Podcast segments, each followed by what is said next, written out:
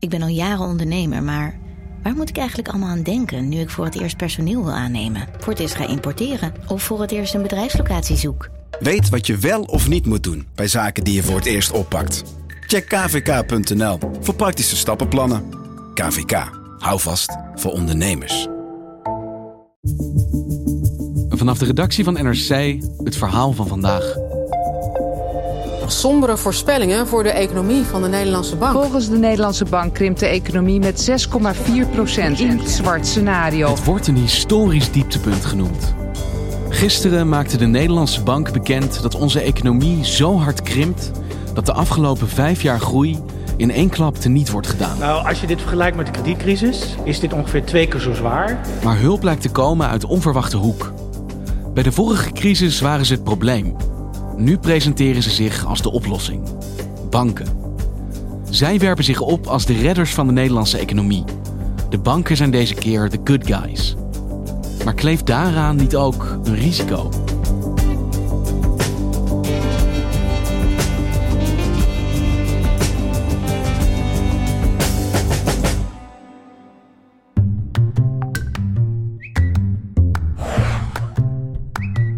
Bijna drie maanden geleden, op 19 maart, scrollde ik door mijn Twitter-tijdlijn en daar kwam ik een tweet tegen van Wopke Hoekstra, de minister van Financiën. En op die tweet zag je een aantal uh, blije gezichten erbij van Kees van Dijkhuizen, de toenmalig CEO van ABN AMRO, Ralf Hamers, de topman van ING, die bedraaier, de hoogste baas bij Rabobank en nog een aantal uh, spelers uit de, uit de financiële sector. Eva Smal is redacteur Financiële Instellingen op de economieredactie van NRC. Het was denk ik niet een echte Zoom-vergadering. Want als je er goed naar kijkt, ik heb nog geen enkele Zoom- of Teams-vergadering gezien die er zo uitziet. Dus ik denk dat ze wat gefotoshopt hebben. uh, maar ja, het gaf wel een mooi inkijkje in, uh, ja, in hoe die mannen eigenlijk even met elkaar overlegd hebben op, op hoog niveau. Met hoe gaan we dit als overheid en als banken gezamenlijk aanpakken en, uh, en de Nederlandse economie ondersteunen. En er zat ook een begeleidend tekstje bij. Ik sta in nauw contact met de financiële sector, schrijft Hoekstra in zijn tweet. En ik heb mij net door hen weer laten informeren. In het gesprek werd bevestigd dat banken er goed voor staan, onder meer door hun stevige buffers. En dan de belangrijkste zin: de banken zijn zich zeer bewust van hun maatschappelijke rol in deze moeilijke tijd. En vertaal voor mij is wat dit betekent uit de mond van het bankenwezen. Nou ja, maatschappelijke rol in moeilijke tijd, dat zegt eigenlijk natuurlijk niet zoveel. Maar wat je in de dagen daarvoor had gezien, is dat ja, er was een lockdown afgekondigd op 16 maart. Heel veel ondernemers moesten op dat moment direct hun deuren sluiten en waren eigenlijk direct ja, in de problemen. Ik sprak hier ook over met Kees van Duikhuizen, die tot half april de hoogste baas was bij ABN AMRO. Toen de lockdown werd gemeld door de, door de premier, toen uh, zagen we natuurlijk vrij snel mensen ook ons bellen. Omdat die zagen uh, onvoorspelbaar lang uh, mogelijk hun, ja, hun inkomsten wegvallen. En ja, als je dan wel allerlei vaste lopende kosten hebt, je moet je hypotheek betalen, je hebt leningen bij de bank lopen, bedrijfsleningen. Dus daar zijn we toen direct over gaan nadenken hoe we daarbij zouden kunnen helpen. Dus heel veel van die ondernemers hadden echt grote problemen. En je ziet hier dat de overheid, die had allemaal al regelingen opgesteld om die ondernemers te helpen. Maar dat ook de banken zich daar nu bij aansloten als een soort, nou ja, samen met de overheid gaan wij uh, de Nederlandse economie, de maatschappij helpen om door deze crisis heen te komen. Ja, zoals ik ook gezegd heb, we zijn daardoor ook deze keer niet een onderdeel meer van het probleem. Maar we zijn nu, kunnen we onderdeel zijn van de oplossing en dat is heel fijn. En op welke manier dan? Nou, die, die tweet die stond niet alleen. Een, een tijdje later kwam er een persbericht binnen van de gezamenlijke banken. Waarin zij een aantal dingen aankondigden. Waaronder een aflosvakantie. In Nederland hebben de banken samen besloten dat bedrijven met een krediet tot 2,5 miljoen euro een half jaar uitstel kunnen krijgen voor de aflossingen van hun leningen. En naast die aflosvakantie maakten de banken bekend dat zij met overheidsgarantstelling de grotere bedrijven nieuwe leningen gingen verstrekken. Wij zullen alle zakelijke klanten beneden 2,5 miljoen eh, krediet die ze bij ons hebben, zullen wij automatisch, en dat zijn zo'n ruim 50.000, automatisch uh, zes maanden hun rente en aflossing op dat krediet doorschuiven. Het geeft onmiddellijke lucht en daarmee kunnen ze aan de slag als ondernemer. Banken die hun verantwoordelijkheid nemen in de crisis die als redder naar voren treden. Het is niet helemaal de eerste associatie die ik heb als ik denk aan banken en crisis. Nou, banken hebben eigenlijk niet zo heel goed imago. Dat is eigenlijk sinds de vorige kredietcrisis. Toen waren ze eigenlijk de, de oorzaak van de crisis. Ze hadden allemaal hele risicovolle beleggingen gedaan. Dat ging mis. De kredietcrisis in de Amerikaanse financiële wereld heeft zich verder uitgebreid. De bank Lehman Brothers heeft uitstel van betaling aangevraagd en is zo goed als failliet. Het leidde tot wereldwijde koersdalingen op de beurs. Uh, vervolgens moesten die banken gered worden. Volkomen onverwacht heeft de Nederlandse staat alle Nederlandse onderdelen van Fortis, inclusief ABN AMRO, gekocht. Nederland betaalt 16,8 miljard euro hiervoor. Ja, het is als een crisis veroorzaakt door banken. Maar ze waren daarna ook nog eens de ontvangers van hulp, niet de bieders van hulp. Ja, en deze keer zijn ze, uh, ze noemen zich zelf als een partner van de overheid. En dat was wel echt een groot verschil met hoe dat uh, tien jaar uh, daarvoor, of eigenlijk twaalf jaar daarvoor is gegaan. Want hoe werd er gekeken naar die aankondiging dat banken zichzelf deze nieuwe rol toedichten? Met dezelfde, nou ja, toch wel sceptisch die ik ook wel een klein beetje voel. Zijn dit banken die dit doen? Ja, dat hoor je ook heel veel. Ook eh, reacties op stukken die ik binnenkrijg. Uh, mensen die echt gewoon zeggen, joh, uh, uh, ik geloof er niks van. Trap er niet in. Trap er niet in. Ja, dat, ik denk dat heel veel mensen die sceptisch wel hebben sinds de vorige crisis. En Kees van Duikhuizen gaf ook aan dat wat zij in deze crisis doen, dat dat ook echt wel goed kan zijn voor hun imago. Dat was natuurlijk bij de vorige crisis het grote probleem. Dat men zei, jullie hebben de crisis veroorzaakt. Uh, en dan zitten jullie ook nog vervelend te doen tegen ons. Hè? Omdat je ons geen krediet geeft waar we het nu nodig hebben. Dus daar waren wij, waren natuurlijk echt de oorzaak. En dat, dat, is natuurlijk altijd veel ellendiger dan nu. Is het nu gewoon dat wij kunnen, wij kunnen niks doen aan deze crisis. En we zijn, ja, we zullen, we zijn wel gewoon uh, gelijk gestart met helpen. Als we natuurlijk dat nu goed doen, dat dat, dat natuurlijk ook goed is voor het imago van banken. Dus ik bedoel, uh, ja, we slaan in dat opzicht natuurlijk graag twee vliegen met in één klap uiteindelijk. Uh, maar, maar zo is het niet begonnen. Het is echt begonnen vanuit het probleem. En, um, uh, en, en, en zo zijn we de zaak aan het oplossen. En, Des te opvallender vond ik dat de Belangenvereniging voor Midden- en Kleinbedrijf, MKB Nederland, er best wel positief over was. Zij waren tijdens de vorige kredietcrisis een voornamelijk slachtoffer van de moeilijkheden die banken hadden. Zij kregen bijna geen kredieten meer. En ook gezonde bedrijven hadden daardoor moeite om te blijven staan. Die voelden zich tijdens de vorige crisis eigenlijk geslachtofferd door de banken. Die voelden zich, die voelden zich echt geslachtoffer, hadden daar echt last van. Dus voor hun was het denk ik ook best wel een, een, een moeilijkheid dat ze nu opeens een helpende hand kregen uh, toegestoken. Maar je merkt dat MKB-bedrijven dat ook echt wel accepteren nu de banken de goede intentie hebben. Ik sprak erover de voorzitter van de Belangenvereniging MKB Nederland, Jacco Vonhoff.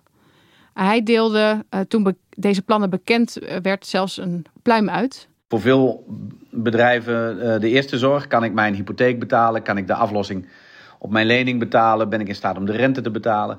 Nou, toen banken uh, meteen heel, heel ruimhartig daarmee kwamen, toen, toen waren wij, daar waren we erg tevreden over.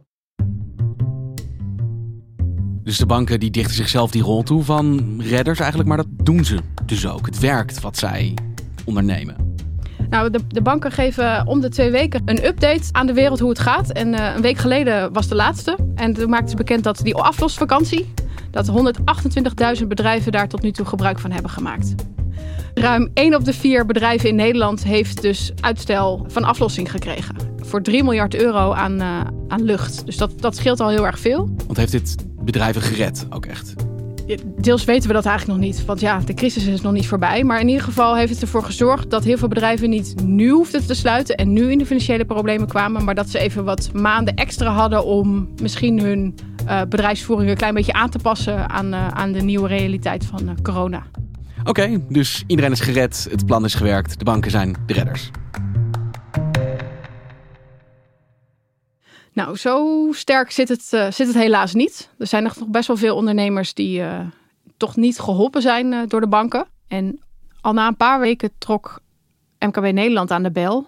En ik sprak hierover met Jacco Vonhoff. En hij vertelde dat met name de kleine bedrijven, bedrijven die een lening nodig zouden hebben van 10.000, 15.000, misschien hoogstens 50.000 euro, dat die heel vaak nee kregen te horen van de bank. Ik heb een aantal voorbeelden gezien waarbij ik mij afvraag of de bank daar niet heel erg strikt in de leer is. Bedrijven die mij gewoon echt hun hele hebben en houden hebben laten zien.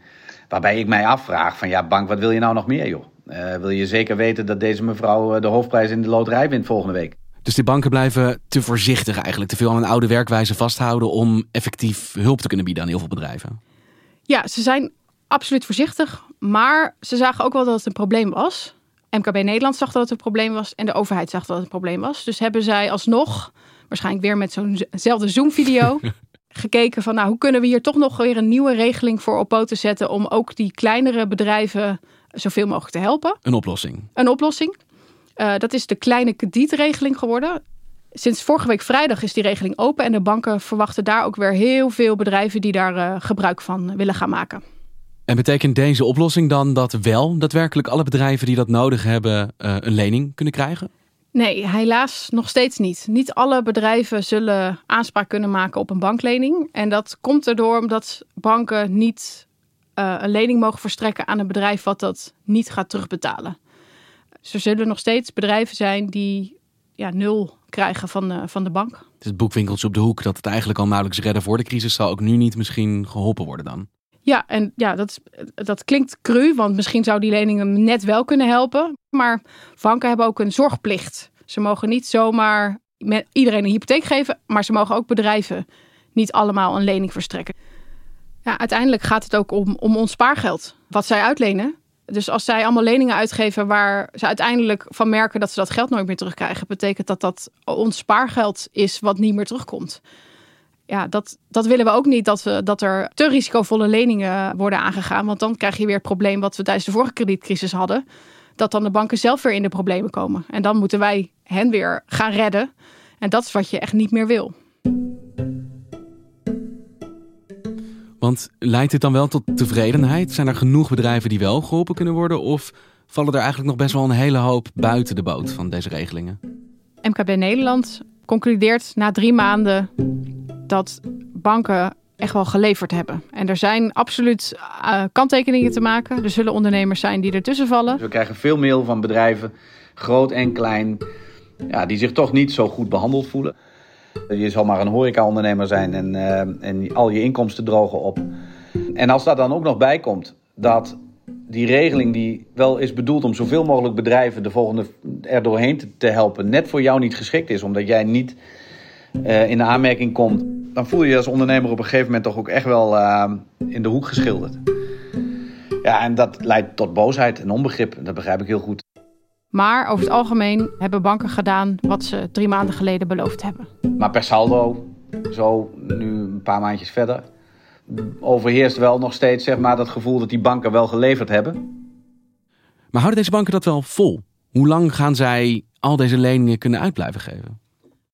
Nou, als je het toezichthouders vraagt, uh, zijn banken in ieder geval heel gezond aan de crisis begonnen. Uh, tijdens de vorige kredietcrisis hadden ze eigenlijk heel weinig eigen vermogen, heel weinig eigen uh, geld op de rekening. En daardoor ging het zo snel slecht met die banken. Nou, de afgelopen jaren hebben ze heel veel extra kapitaal opzij gezet als een soort veiligheidsmarge. En de toezichthouders en ook de banken zelf zeggen nu: wij zijn gezond aan deze crisis begonnen en we hebben in ieder geval voorlopig genoeg buffers om al deze extra leningen en extra, eventueel extra verliezen op te kunnen vangen. We hebben tegenwoordig echt zware stresstesten die we doorlopen elk jaar weer. Uh, van de ECB, van de DNB. En dan wordt gekeken wat kunnen banken aan. En, en uh, wat je ziet is dat banken dat eigenlijk altijd aan kunnen. En zo niet, dan krijgen ze ook van de, van de toezichthouder de opdracht gekregen om uh, hun buffers te versterken, whatever. Ja, dus de banken hebben in nou ja, wat lelijke beeldspraak genoeg vet op de botten. Ja, genoeg vet. Maar de vraag is of ze genoeg spieren hebben om, om het lang vol te houden. En wat ook een deel van het probleem was bij banken, is dat ze de afgelopen jaren zelf ook niet zo heel goed waren in geld verdienen. En als je winst maakt, dan kun je je buffers verruimen en ophogen en extra geld opzij zetten. En ze hadden al best wel veel moeite om winst te maken. Nou, dat gaat door de coronacrisis niet heel veel beter worden. Dus het gaat ook met name de vraag worden: zijn die banken wel in staat om die potjes met geld, die buffers, om die te blijven aanvullen? Ja, want je kan, als je kiet speelt, maar wel geld uitgeeft, dan op een gegeven moment houdt het op, lijkt wel ook voor banken. Dit is toch niet oneindig houdbaar? Op termijn gaan ze natuurlijk wel risico lopen. Als deze crisis heel lang duurt, um, hè, er komt een tweede golf aan besmettingen en allemaal bedrijven moeten weer uh, hun deuren sluiten. Dan gaan ook banken dat merken dat steeds meer bedrijven het niet meer kunnen terugbetalen. En dan gaan banken wel allemaal verliezen moeten nemen. En dan kunnen ook op termijn banken weer zelf in de problemen raken. Maar nou, dan ga je uiteindelijk krijgen dat banken weer naar een eigen hachje moeten gaan kijken. Dan moeten ze misschien wel weer de kapitaalkraan of de leningkraan dichtdraaien naar ondernemers. Dus eh, hoe langer deze crisis duurt, hoe meer verliezen banken moeten maken. Hoe meer risico er is dat uiteindelijk ook uh, deze crisis niet alleen een coronacrisis kan worden, maar ook weer een bankencrisis wordt. En dan is het heel erg afwachten. Blijven ze die ondernemers steunen? Of gaan ze toch weer vooral naar hun eigen financiën moeten gaan kijken? In 2008 zijn we op de situatie beland dat banken door de staat gered moeten worden. Ik hoor eigenlijk nog steeds een staat die garant staat. Banken die misschien te koop lopen met het feit dat zij de oplossing zijn. Maar ja, als puntje bij paaltje komt, is het de staat die dan moet betalen? Of zie ik dat niet helemaal goed? Nou, de garantstellingen zijn er 80, 90, uh, 95 procent. Maar nog steeds zit daar dus risico in voor de banken. En zij hebben de afgelopen maanden al laten. Heb je al bij de banken gezien dat ze al wel rekening houden met dat zij zelf ook wel flinke verliezen gaan maken. En banken hadden natuurlijk ook al heel veel leningen staan zonder overheidsgarantie. En ook daar kunnen ze heel veel flinke verliezen op gaan maken. Dus de overheid staat niet voor alles garant. De banken hebben ook nog wel echt zelf veel risico. Uh, waar zij mogelijk miljarden verliezen op gaan maken. Ze lijden ook wel echt pijn door de hulp die ze bieden. Ja. En nu gaan we even zien hoe lang dit gaat duren nog voor ze. Ja, ja zoals voor uh, jou en mij nog lang afwachten is hoe lang wij met mondkapje in de trein moeten en uh, moeten reserveren in restaurants. Gaat het voor banken ook afwachten worden hoe diep deze crisis wordt en, en hoeveel pijn moet, zij moeten gaan leiden. En dan is misschien tot de volgende crisis wachten of inderdaad dan terugkijken op deze rol van banken als redder in plaats van als nou ja, boeman. Ja, dat gaan we zien. Dankjewel, Eva. Graag gedaan, Thomas. Je luisterde naar vandaag, een podcast van NRC. Eén verhaal, elke dag. Dit was vandaag, morgen weer.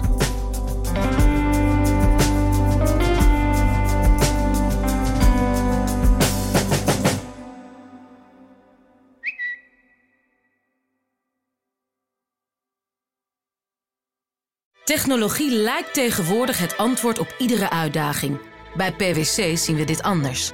Als we de potentie van technologie willen benutten, kunnen we niet zonder een menselijk perspectief. Human-led, tech-powered noemen we dat. Ga naar pwc.nl.